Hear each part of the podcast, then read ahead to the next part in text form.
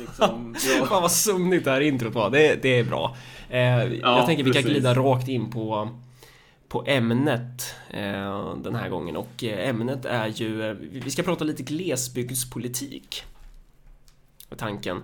Eh, och det är någonting som har eh, debatterats under den här tiden då vi liksom har, har, har legat på sofflocket har vi inte gjort det, men då, då vi inte har eh, pruttat ut en massa podcasts. Jag tänker då bland annat på, det var någon artikel som SVT, alltså det här är ju, fan vad, vad inaktuella vi är, det kanske vi inte är, men, men det är liksom, det, har ju varit några artiklar kring temat glesbygdspolitik, man, man har, man, man kan inte riktigt, man har identifierat problemet att svensk glesbygd, att det går åt helvete typ. Att den dör. ja. Och det är Jo, ju jävligt grattis. bra att man har identifierat det här problemet. Eh, så vi tänkte prata lite om det här problemet. Eh, och själva problemet är väl som så att man har identifierat det som att det finns tydliga förlorare och tydliga vinnare mellan svenska kommuner idag om man säger så. Ja. Och då undrar man förstås vad lösningen är, att vissa är förlorare och vissa är vinnare.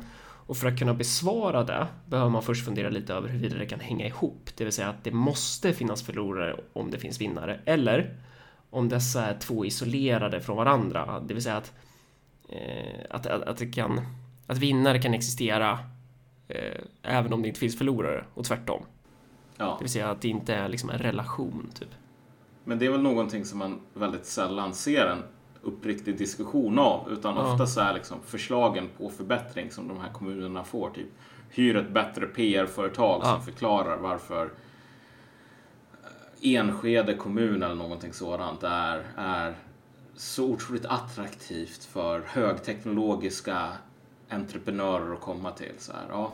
Så, för, precis, för om vi ska hoppa in i liksom en citationstecken samtida politiska debatten så tänker jag att vi ska ta ett, eh, ett exempel på en artikel här som, eh, som har publicerats på SVT. Eh, och den heter Svensk glesbygd dör medan norsk blomstrar. Eh, och där jämförs Strömsunds kommun i Jämtland med Lierne kommun i norska Nordtröndelag, som är strax över gränsen. Som för övrigt tydligen skulle ha tillhört Sverige enligt, enligt sägnen att de här kartritarna var så fulla så att de gav Sverige för lite territorium. Eh, men det är en off topic. Eh, Lierne är en, liksom en skitliten kommun. Det bor färre invånare där än vad det gör i någon av Sveriges kommuner. Trots det har de polis, räddningstjänst och Eh, allt sånt där som skulle vara liksom fullkomligt otänkbart på svensk landsbygd. Så. Eh, I reportaget får vi följa en hemvändande kommunbo som just startat upp en, en, eh, en chokladfabrik. Och det är tydligen lätt att starta företag i Lierne. Deras arbetsgivaravgift är nämligen aplåg. Därefter intervjuar man en forskningsledare för Centrum för bygdeforskning som berättar att dessa glesbygdspolitiska principer fanns i Norge även innan de hittade sin jävla olja. Och hon förklarar att allt det här går att göra i Sverige också. Eh, ungefärligt citat är typ ekonomisk kapacitet må spela lite roll men i grunden handlar det främst om politisk vilja. Mm. Eh, och det är två viktiga faktorer, faktorer som lyfts fram i det här reportaget. Liksom. Och den första är ett. De norska kommunerna som har exempelvis vattenkraft eller andra eh, nyckelresurser inom sitt lilla gulliga förvaltningsområde får behålla en betydligt större del av dessa jämfört med hur det ser ut för svenska kommuner. I Sverige så tar den elaka staten allting. Eh, två, när chokladfabriken ska anställa folk så är arbetsgivaravgiften bara en bråkdel av vad den är i Oslo, det vill säga 5,5 procent. I Strömsund så har man samma arbetsgivaravgift som i övriga Sverige på hela 30 DDR procent. Strömsund kommun har ju då på egen hand räknat ut att man skulle ha 200 miljoner mer i kommunkassan om man hade tillhört Norge och haft den här sortens politik. Och, och kom, kommunalrådet uttrycker det som så att vi, vi kommunalråd i Norrlands inland skulle hamna i himmelriket om vi hade det som i Norge. Så där har vi det liksom. Ja, För reaktionerna på den här artikeln, jag, jag, jag fick ju se den när diverse svenska så kallade socialister eh, höll på och delade den här på sin Facebook eller på Twitter eller vad fan det nu var och så var det liksom så här bara Yes! Fan vad nice! De har löst det. Vi behöver, vi behöver bara kopiera. Bara kopiera Norge, så är det klart. Att det är liksom på den nivån man, man pratar om det här Eh, och det är väldigt skönt att, att vi nu har löst glesbygdsproblematiken eh, genom att helt enkelt bara imitera och, och, och kopiera norsk politik så, så, så försvinner tydligen problemet. Ja, jo men precis. Men det, det, det fascinerande här är väl på något plan att okej, okay, om du sänker arbetsgivaravgiften. Det går ju väldigt enkelt att göra i Sverige. Det, kan, det skulle ju regeringen kunna göra imorgon. Bara säger att okej, okay, om du är en kommun, glesbygdskommun, hur man nu väljer att definiera det. Arbetsgivaravgiften är från och med nu 5% eller 2% eller 0% Men vad det här skulle leda till är ju en inte att helt plötsligt så vaknar vi upp och så har vi nått regnbågens slut och så hittar vi den här magiska krukan guld. Och kommunalråden har hamnat i himmelriket. Ja, det här betyder ju bara att mindre pengar går in till staten. Ja. För det är ju typ någonting som man inte nämner i det här. Och det är ja. ju att när kommunen får behålla en stor del av intäkterna från naturresurser inom sitt förvaltningsområde så betyder det att staten förlorar intäkter. Exakt. Det betyder alltså att norsk glesbygd är kraftigt subventionerad. Ja, jo men precis. Alltså, men eller man kan ju om man vill ställa argumentet på ändan säga att så här, egentligen så är det norsk landsbygd eller egentligen så är det Norrland som subventionerar liksom Sverige. Sverige ja. sådär. Mm, mm. Men, men det, man undgår inte problemet genom att vända på steken på det sättet. Därför att i slutändan så är det så här att det finns en kaka som är av begränsad storlek. Och du kan fördela kakan på ett lite annorlunda sätt, men det är i slutändan allt som det här gör, mer eller mindre. Mm. Liksom. För, att, för att det andra exemplet är ju det här som, som har debatterats som liksom Ja men som typ var ett skämt för några år sedan men, men som där man ser de här eh, lajvarna inom svenska vänstern på riktigt verkar tycka är en bra idé och det är att Norrland ska bli självständigt. Eh, Lotta Gröning gjorde ju någon jäkla eh, grej där. Hon gjorde ju något utspel om att även det i SVT så här att man, man behöver själv, eller ja, jag hittade en artikel om det i SVT också, det här med självständighet till Norrland. Eh, och då står det så här eh, Norrlandsparadoxen är då alltså att staten har investerat miljarder i kommunerna men ändå se till att vinsterna går tillbaka till staten. Jävla paradox alltså. Eh, Verkligen. Och så fattar inte då eh, Moder Svea att med bara tre knapptryck så skulle liksom Vattenfall i Jokkmokk kunna släcka stora delar av Sverige. Jaha. Och då blir liksom lösningen på den här problematiken är alltså bara att bara Sverige, eller bara Norrland blir självständigt. Ja. Så, så, så då blir det bra. Jo, men precis. Och det, jag menar, det, det där känns som... Ska man skratta eller gråta? Det, det är en sak att någon skriver det där i Expressen, men det är en annan sak när människor som egentligen borde veta bättre börjar med den här sortens, ja ah, men vet du vad, självständighet löser allting. Utan att förstå vad det är de säger och vad det är de föreslår. Liksom, vad är problemet och vad är lösningen? Typ? Man håller aldrig de här sakerna isär. Man kan aldrig liksom undersöka dem själva. Så att om vi nu tar det här med naturresurser till exempel, eller om vi nu tar det här med transferering, transfereringar av välstånd, pengar överlag. Det går att säga så här att Norrland subventionerar södra Sverige, mm -hmm. men det är inte det är inte riktigt så enkelt därför att det sker fortfarande ganska mycket transfererings... Äh, ähm, så att på många sätt så subventionerar södra Sverige delar av Norrland mm. också. Mm. Kolla, vad är det för problem man har identifierat här? Man, man har ju identifierat att så här, Norrland är förlorare. Ja. Och, och eh, Stockholm är inte lika stora förlorare. Liksom. Stockholm är vinnare. Ja. Och på ett sätt så, ja, det, det är väl sant liksom. Men jag, jag förstår inte hur man hur kommer det sig att Norrlands inland befolkades från första början? Det här var ju en mm. aktiv centraliserad politik som bedrevs från statligt håll där man subventionerade landsbygden och där det fanns ett reformutrymme för att göra så. Och när man då försöker framea det som att så här, det norska exemplet att deras jävla olja inte spelar någon roll, det är ju fullkomligt det är vidrigt alltså. För att den spelar roll. Alltså du behöver ju en, en, en, en möjlighet Du behöver ju ett reformutrymme för att kunna subventionera din glesbygd. Och bara för att man skulle typ så här eh, kommunalisera vattenkraften. Det skulle ju inte, alltså Ja visst, det kanske skulle vara en kommun då som kan gå från att vara en förlorare till att bli vinnare, men du skulle ju inte avskaffa relationen mellan Nej, att exakt. vissa delar av landet förlorar på, eh, på det och andra delar vinner. Och så här, att, att föra någon slags här rättvis eh, perspektiv på att bara, ja, men de här resurserna råkar ligga inom det här kommunförvaltningsområdet. Det är ju, det är ju, ja och. Ja, eh, jo men precis. Alltså i slutändan, det som man måste se här är hela system. Ja. Eh, när man har det här ganska, liksom, vad ska man säga, själviska, typ, ja men okej, den här dammen ligger i min kommun. Ja. Varför ska jag skicka pengar någon annanstans?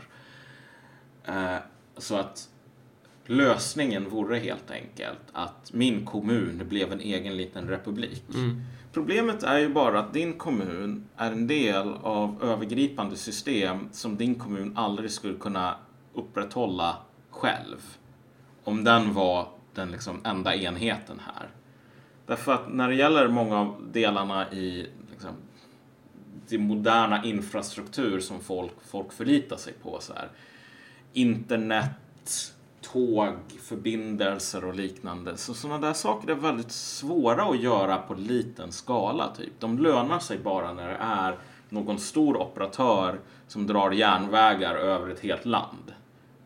Eller liksom administrerar internet i ett helt land och så vidare. När du försöker koka ner dem där på mikroperspektiv så blir de mycket mindre effektiva och, och mycket mer dyra i relation till vad de ger dig. Men, men den andra grejen här är väl egentligen att hela den här idén om norrländsk självständighet bygger på en sån otroligt naiv och efterbliven syn på vad det här skulle innebära.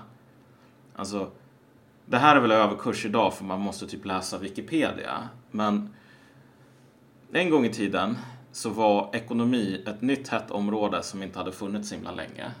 Och på den tiden så hade man en, en hypotes om hur framtiden skulle se ut. Och det var så här att det kommer mer och mer människor på planeten.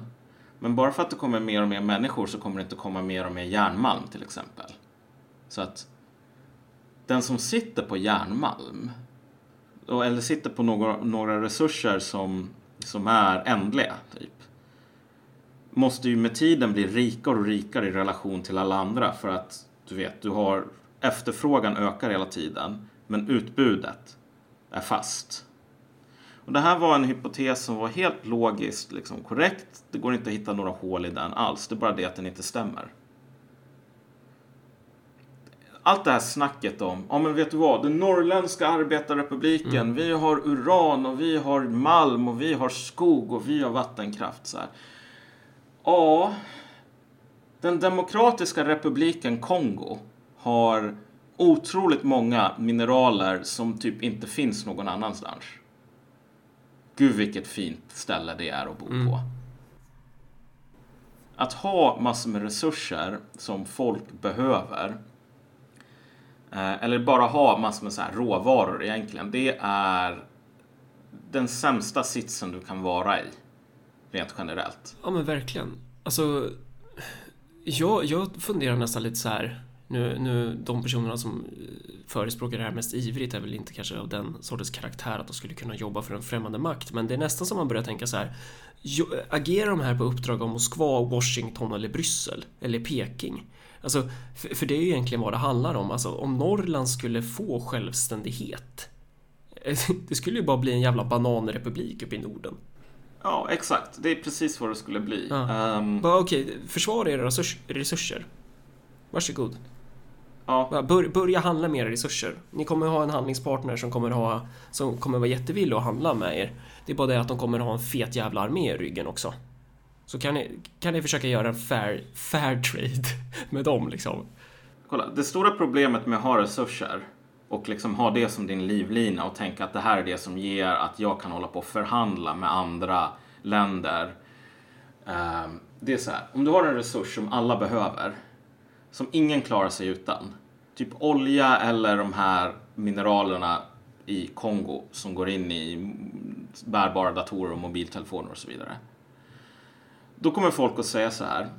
Att jag ska ha de här resurserna och jag bryr mig inte om du dör på kuppen. Mm. Jag har inte råd att inte ha de här så därför så kommer jag skicka en liksom krigsherre eller typ bomba sönder ditt land till stenåldern liksom om du säger nej till mig. Och Norrland, ehm, nu vet jag inte riktigt hur, hur de här människorna hade tänkt att den norrländska armén skulle se ut. Ja, vi, bild, vi bildar en gerilla. Fan vad coolt. Norrländska arbetarrepubliken bildar en gerilla. Precis. Jag tror, jag tror den kommer nog att bli ganska enkel att köra över hur man nu än gör. Um, och sen, eller så kan du ha en sån här resurs som inte direkt är som olja. Alltså så att folk inte kommer att säga jag måste ha den här och jag är beredd att mörda dig om jag inte får den. Typ skog eller järnmalm. Problemet med det är att om du har en resurs som alla inte behöver och som folk kan klara sig utan ett tag, då har ju inte du något förhandlingsutrymme i praktiken. Folk kan svälta ut dig tills du jobbar för ingenting. Därför att så tillvida vi inte människor förvandlas till typ troll, bergstroll som börjar äta skog och stenar så behöver du någonting annat än just skog och malm. Någonting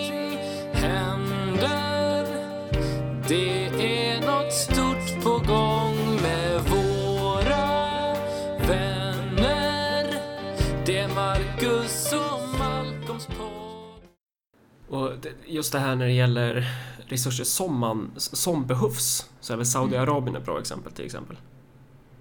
Ja, precis. Exempel till exempel. Ja, Sa- Saudiarabien, för de, det var ju där under 70-talet så ville ju de höja priserna på oljan och då tyckte USA att nej, det gör ni inte. Ja, exakt. Alltså, nu, man använde, OPEC använder ju oljan som liksom ett vapen här. Att så här. Vi sitter på oljan, vi vet att ni behöver den, vi vet att era ekonomier kommer att krascha om ni inte får den. Gör som vi säger. Och svaret från amerikanska statsdepartementet var väl ungefär, vi kan tänka oss att göra som ni säger. Eh, vi kan möta er halvvägs. Men om ni inte möter oss halvvägs så är vi beredda att invadera och ockupera era länder. För det finns inte på kartan att USA ska vara utan olja. Liksom. Är ni beredda att gå ut i krig för att förneka oss det som vi behöver? Eh, och som sagt, någon, jag vet inte, någon på UD i den norrländska folkrepubliken kommer aldrig att få det, um, det telefonsamtalet från någon. De kommer bara att bli behandlade som typ Colombia eller någonting sådant. Och det är inte så himla kul. Så att det här är, jag vet inte riktigt var man ska placera det här. Det är, det är väl som så mycket med vänstern idag att det typ så här, det låter coolt. Åh, en arbetarrepublik, folkrepublik. Ja, inte bara det. Norrländska arbetarrepublik. Alltså det kan ju inte, det kan ju inte falla arbetaristerna bättre in liksom. Nej, verkligen. Och det låter jättecoolt och så tänker man aldrig på så här, men hur funkar det egentligen? Ja, precis. Är det ens så att bara för att du har resurser så kommer du att bli, liksom, ha, hamna i något bra förhandlingsläge? Eh, och återigen, överkurs är det väl för att man behöver läsa Wikipedia, men liksom kolla upp typ the resource curse. Därför att den som sitter på resurser och ingenting annat, den är körd. Du vet, det finns en sån här gammal, eh, vad heter den här gamla sagan? Beowulf är det väl? Liksom, som handlar om typ Europa efter romarrikets fall. Liksom så här under, under the dark ages som det hette. Och jag tror att det är väl Beowulf som dödar en drake och sen så typ dör han på kuppen och så upptäcker byborna som bor nära den här draken att den här draken hade en gigantisk jävla skatt som den satt på. Och ingen där blir glad. Alla blir jätterädda när de inser att de är rika som troll nu. Därför att det som hände på den tiden med någon som hade en jättestor guldskatt, det var att det kom massor med människor, tungt beväpnade, och mördade dig och hela din familj och snodde den liksom. Så att man ska akta sig för den här sortens liksom, dagdrömmar. Men det är så intressant att den här sortens eh, väldigt platt, alltså det är ingen analys utan det är ju så här man har identifierat ett problem. Nu ska vi dra en jävligt skev metafor för det är ju sånt vi gör i den här podden. Eller en jävligt skev liknelse. Och det är ju, vi säger så här, min kompis börjar brinna. Det Det är ett problem. Han brinner och han skriker. Det är fruktansvärt. Vi måste göra någonting åt det. Så min lösning är att jag tar av mig min sko och så stoppar jag den i munnen och så tittar jag på min kompis.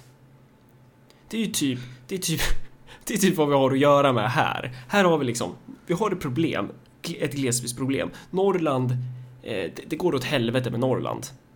Lösningen är inte självständighet, det löser inte det problemet. Ja. Och nu fick vi verkligen in den här sjuka liksom, liknelsen som ingen förstår. Men poängen är ju att eh, om man ska, alltså pro problem, problemidentifieringen är ju typ korrekt, bara där man inte förstår problemet. ja, Men precis. att, att glesbygden har problem, det stämmer. Att vi liksom har, att det är ett problem att, eh, att glesbygden ruttnar bort. Det är ett stort problem, det måste man ta på fullaste allvar. Men sättet man gör det på är ju inte att bara tro att man typ så här kan markera den här delen av kartan i paint och sen färglägga den i en annan färg och så bara sköter sig allting på automatik. Utan man måste ju förstå att de här problemen är djupt grundade i det kapitalistiska produktionssystemet ja. Och, och det här är men problem precis. som, som man har lyckats överkomma under till exempel den socialdemokratiska eran då man subventionerade eh, Alltså man, man fick förmåner för att flytta upp till Norrland helt enkelt. Mm. Eh, och, och det är på det sättet som du kan hålla det här vid liv. Men annars så kommer du ha en det kommer vara helt jävla omöjligt för de här kommunerna att försöka klara sig i konkurrensen och lösningen är ju då inte att så här tänka, ja men hur ska de klara sig i konkurrensen? Utan lösningen är att avskaffa konkurrensen. Att försöka Ja. lyfta eh, att försöka lyfta ansikte från den här eh, värdelösa ekonomiska doktrinen liksom, och försöka se bortom. Alltså sättet man skulle, alltså det, eller snarare så här, det enda sättet man skulle kunna lösa den här sortens problematik på är ju en centralstyrd ekonomi. Ja, precis. En gång i tiden så hade man ju det här ordet, vad heter det? Industrial policy, liksom.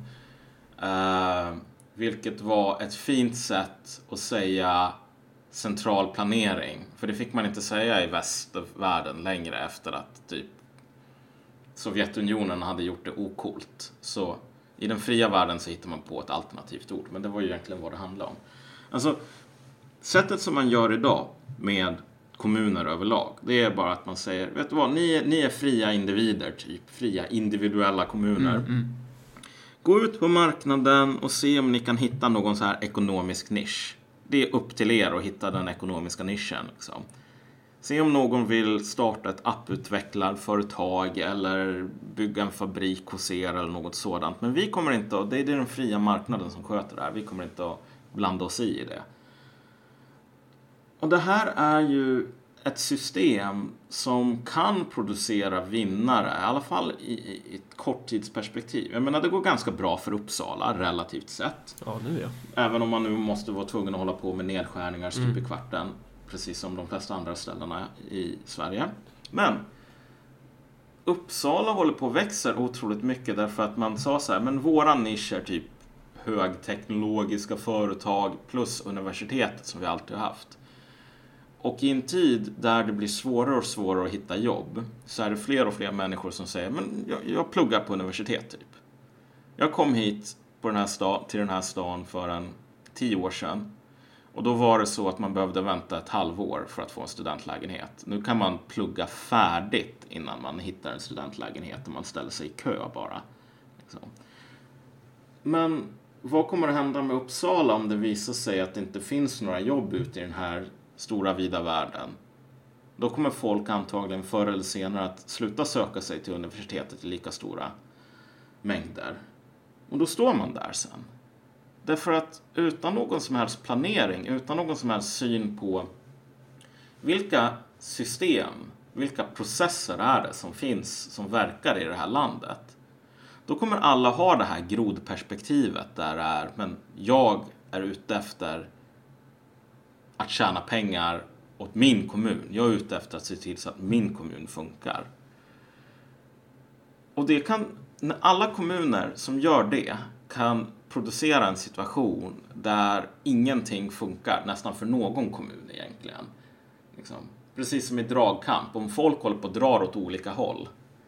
Eh, ehm, jag menar, du vinner inte då. Du, du, du, du, du är inte kapabel att göra den sortens saker som du kan göra när det finns någon sorts samarbete, någon sorts koordination i ett lag. Och det är ju gre- grejen med den här liksom so- sortens... Så här... Decentralisering är ju inte lösningen, tvärtom. Det är ju, det är ju mer centralstyrning som behövs. Men problemet är att centralstyrning måste ju fungera på ekonomisk grundval. Ja. Och Sverige kan inte ha den här sortens centralstyrda politik. Vi kan inte subventionera landsbygden utifrån hur vår ekonomi ser ut. Men vi skulle kunna det om vi planerade vår ekonomi. Om vi, nu är jag inne på förbjudet område här Malcolm, om vi liksom tog steg mot ett annat system. Om vi liksom ställde om vår ekonomi, eh, och det är inte så jävla lätt att göra, men det är, ju- det är något som krävs. Vi måste ställa om vår ekonomi eh, för att kunna liksom subventionera vår landsbygd för att hela Sverige ska kunna leva. Det är bara genom en planerad hushållning som det går. Och jo, och jag tänker också så här, en intressant sak här, om vi nu är inne på det här med processer och, hur, och liksom det här stora perspektivet. Det var ju att under den här eran, sosse, där sossarna styrde galaxen liksom, och allting var jättebra och idylliskt. Då var det så här att världen var ojämlik globalt sett. Det fanns fattiga och rika. Men fattiga människor och rika människor befann sig nästan alltid liksom i samma land, om vi säger så. Liksom. Att kom man till Sverige, då hade även uteliggarna liksom bra tandvård. Um, och fattiga människor i Sverige levde på en standard som låg långt ovanför människor i liksom, subsahariska Afrika till exempel. Med risk för att använda lite väl kryddigt exempel kanske, men jag hoppas folk förstår poängen i alla fall. Att folk generellt sett, vi hade det mer egalitärt i Sverige. Ja, ja, Ja. men precis. Men det var till och med mer egalitärt i USA. När man Ja. talar om USA som den här äh, ojämlikhetens mecka. Så på den här tiden, under den här perioden i världshistorien så var det ändå så att i USA en chef på ett, på ett företag kanske tjänade en 60 till 80 gånger mer än en anställd. Idag är det uppe på flera hundra gånger. Och Sverige som är ett egalitärt land nu, det är också uppe på flera hundra gånger. Liksom.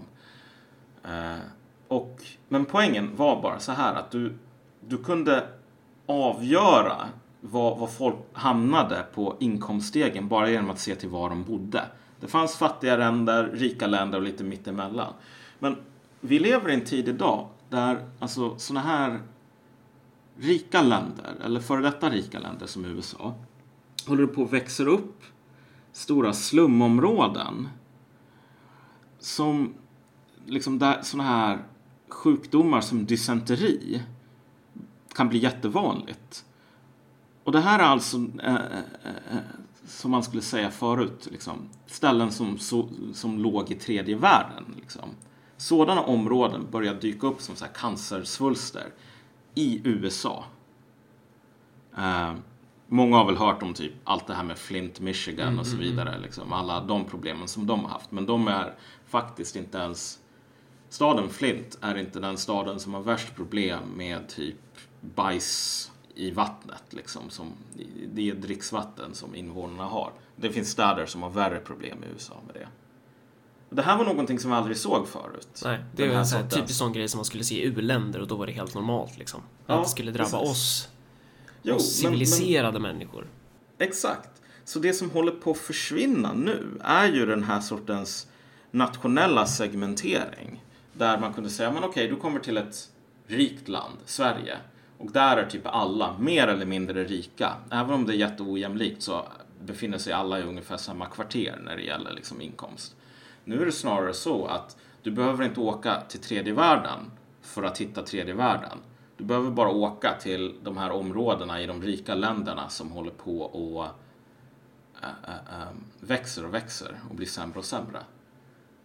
Så idén här om att det här är någon sorts liksom liten blipp och att lösningen idag för att vi ska kunna återvända till vårt sömniga sosse-Sverige bara är att vi sänker arbetsgivaravgiften med typ 5% eller någonting. Det är bara nonsens. Någonting håller på att förändras i grunden i de här länderna i den fria världen i väst. alltså behovet av att se till så att alla ska med, som sossarna säger, det finns inte längre. Alla ska inte med. Det är ingen som ser till så att alla ska med.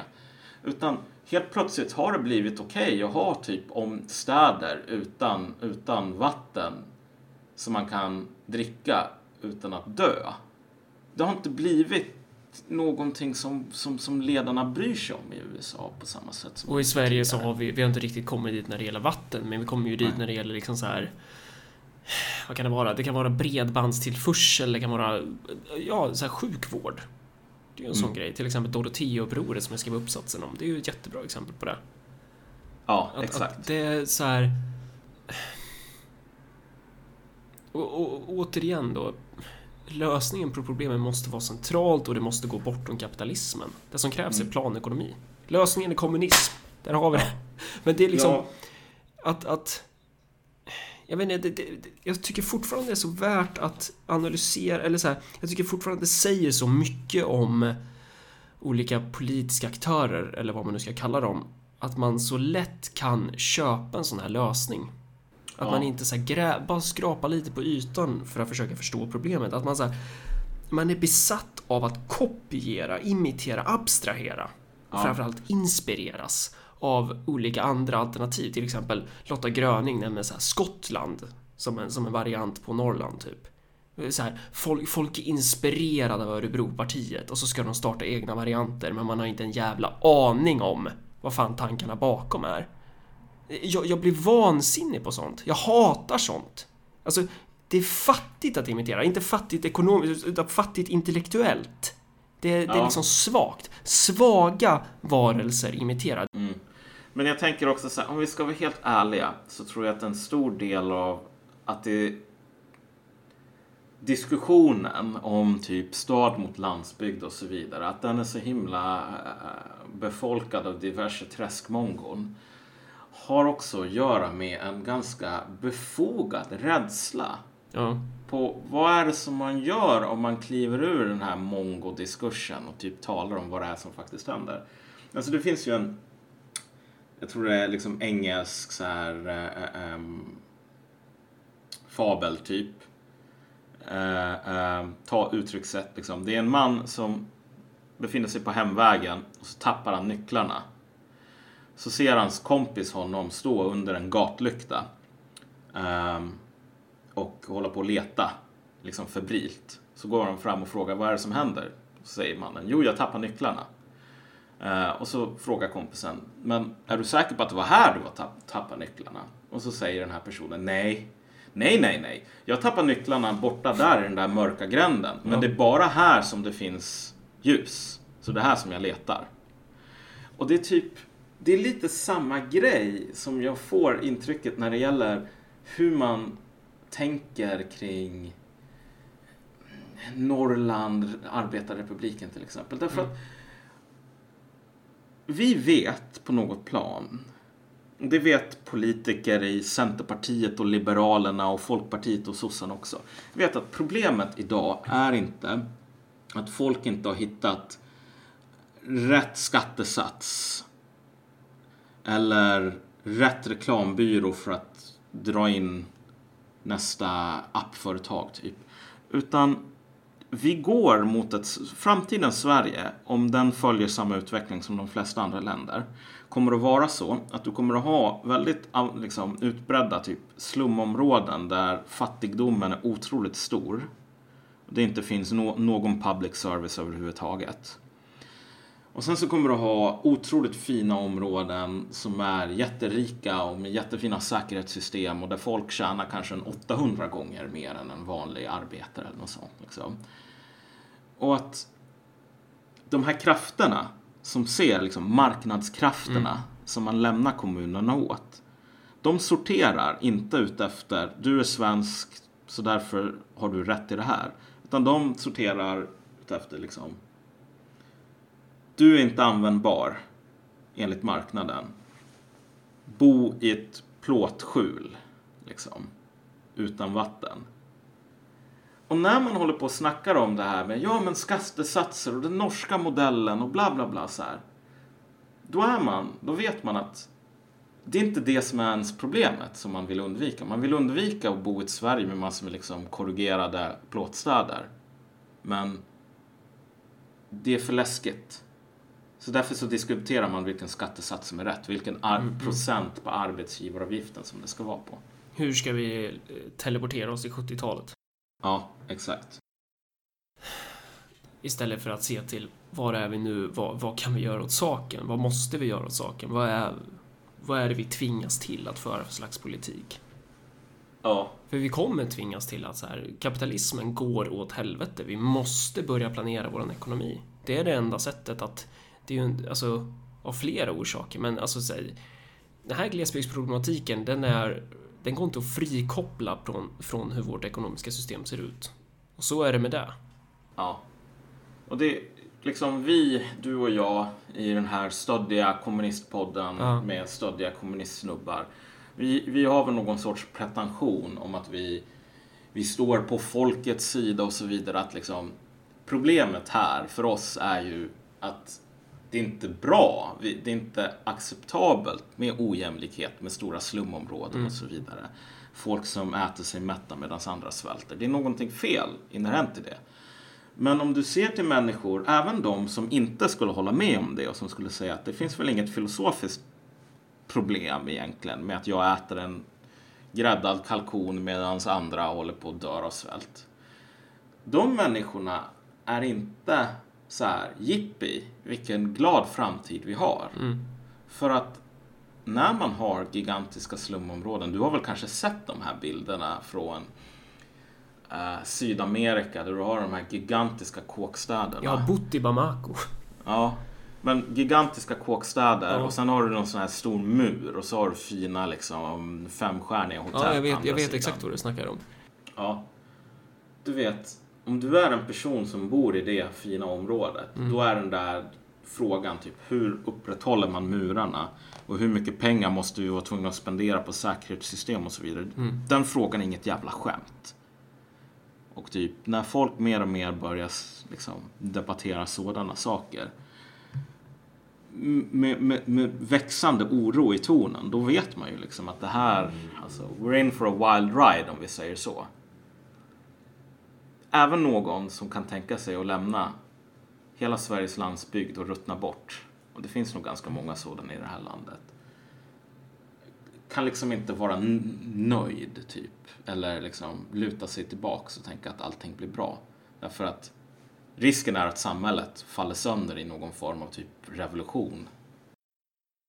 Det ska ju också sägas att när det gäller det här med att glesbygden ska leva så glesbygden behövs ju. Men den behövs inte så länge det är en kapitalistisk ekonomi för att den, behovet definieras utifrån vad man kan göra tillväxt på. Men om du har en centralt styrd, liksom nationellt planerad ekonomi så kommer glesbygden behövas eftersom du kommer behöva en inhemsk matproduktion, du kommer behöva en inhemsk resursproduktion överlag. Så att poängen är helt enkelt att så här, det här är problem som är in, alltså inherent med kapitalismen. Och det finns inga inomkapitalistiska lösningar på det här. Inte längre. Såvida vi inte typ ska bomba sönder halva jorden i något nytt jävla världskrig så kan vi få någon ny sosseregering som kan profitera på det utrymmet typ. Men även där kommer det ta stopp till slut. Och sen till de här jävla missfostrarna som håller på och snackar om att fan vad coolt det skulle vara om Skåne var ett eget land eller Norrland skulle ha sin lilla arbetarrepublik. Alltså, rör du dör du. Det, det, är liksom, det, det är den attityden man ska ha mot de här människorna. För att det här är det värsta som kan hända. Alltså det, det är ju... Det är ju som att hota vårt folk. Det är som att hota vårt folk med svält. Alltså det är väl, ja men det, snarare är det väl så här att typ när man ser små barn som håller på och leker med handgranater så är det någonting som har gått allvarligt fel typ. Ja. Så här. Problemet är ju bara här att det här är ju vuxna människor. Och det Jo. som gör mig så jävla orolig är att det är så jävla lätt. Det är så jävla lätt att starta ett parti och hålla på med någon slags populism. Tro mig, jag vet. Jag är partiledare för Sveriges främsta missnöjesparti. Och sen inte veta vad fan man håller på med. Ja, vi ska, Mm. alltså, så här, du skulle lätt kunna starta en politisk rörelse för norrländsk självständighet. Även om du inte har en jävla aning om varför eller hur och, och så här. Du, du kan göra den på falska premisser. Det är inte svårt. Och det är det som gör mig så jävla orolig. Att det är så jävla lätt att manipulera de här människorna till att göra så. Jo, alltså du kan lova, och jag menar ju mer desperat situationen blir, desto mer kommer folk komma och lova guld och gröna skogar Ja. ungefär. Men det, det som är så jävla sorgligt är ju att, och återigen, folk som ser sig som någon sorts vänster, någon sorts materialistisk vänster som inte tror på identitetspolitik. De Det går ju... inte att förvänta sig att de vet bättre. Det går inte att förvänta sig av människor som ser sig som nya jävla Che Guevara. Att den här personen ens ska ha någon koll eller ens ska orka gå in på Wikipedia och typ läsa om det som de snackar om. Mm. Och det är ju i grund och botten så otroligt, alltså någon person som är okunnig går att förlåta i, i om det här okunnigheten är någonting som bara går ut över en själv. Men någon som säger jag är ledaren eller jag är ideologen eller jag är den fyrbråk var på den store rorsmannen som liksom stakar ut vägen här. En sådan person, för den så är lathet och okunnighet ett slag i ansiktet, en spottloska rakt mellan ögonen på alla som man säger ska, ser som någon sorts lydiga indianer typ. Alla som man tror man vill hjälpa. Jag tänker så här. eh, Vad var det som Lenin höll på med liksom sina sista dagar ungefär? Eh, Eller liksom efter revolutionen överlag. Hålla på och sitta typ 14 timmar i sträck och gå igenom den här gruvstatistik Ja. från Ural.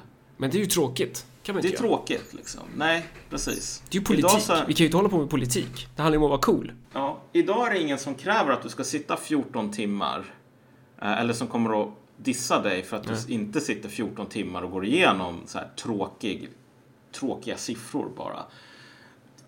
Av den enkla anledningen att alltså, det är ingen som ens kommer att förvänta sig att du ska gå ut och kolla på Wikipedia. Så här.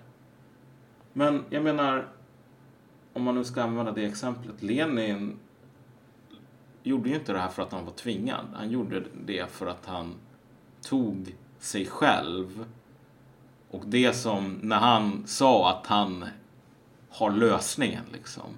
Han tog det löftet på allvar och det är det ingen som gör idag.